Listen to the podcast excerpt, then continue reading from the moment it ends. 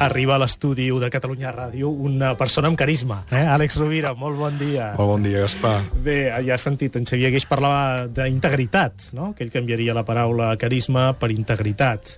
Estic molt d'acord. De fet, l'etimologia de la paraula carisma vol dir... Eh, té a veure amb estar tocat per la gràcia de Déu.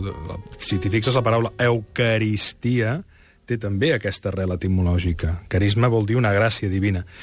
Però portant-ho en un terreny molt humà, jo penso que efectivament les persones que són carismàtiques, més enllà d'un atractiu que poden tenir per un do natural, poden són atractives perquè hi tenen carisma, sobretot, per efectivament, estic molt d'acord amb la tesi del Xavier de la integritat. I penso ara, i ho hem comentat en alguna secció de l'ofici, què és la integritat?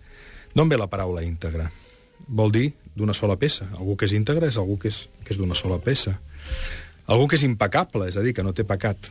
I si mirem entre el pensament, qui ha fet probablement la millor reflexió sobre la integritat, l'ha fet Plató, a través de Sòcrates. O sigui, eh, Sòcrates va expressar el que era la integritat i Plató ho va recollir molt bé.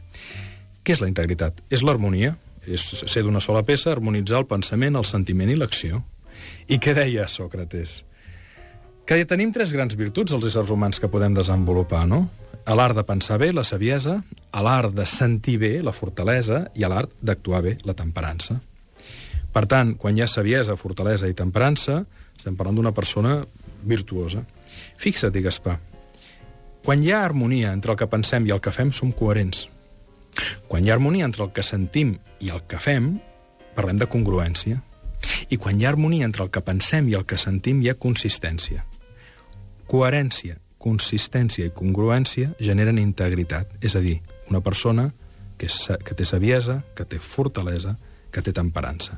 I quan es produeix tot això, deia Sòcrates, que emergeix la gran virtut, que és la justícia, que en el terreny de l'humà és la integritat. Per tant, la integritat vol dir el desenvolupament de les nostres virtuts cognitives, emocionals i en l'acció operatives, però harmonitzades, que no, hi hagi, que no ens fem trampes a nosaltres mateixos i que els altres rebin aquesta coherència, aquesta consistència i aquesta congruència. És una mica enrebaçat, però crec que en el fons és tremendament senzill. No, jo, jo no ho veig gens enrebaçat perquè tu ho expliques molt bé de forma molt pedagògica i molt planera. Moltes gràcies. Moltes gràcies, Àlex Rovira, per aquest apunt del bloc de notes. Fins diumenge, molt bon dia. Una abraçada.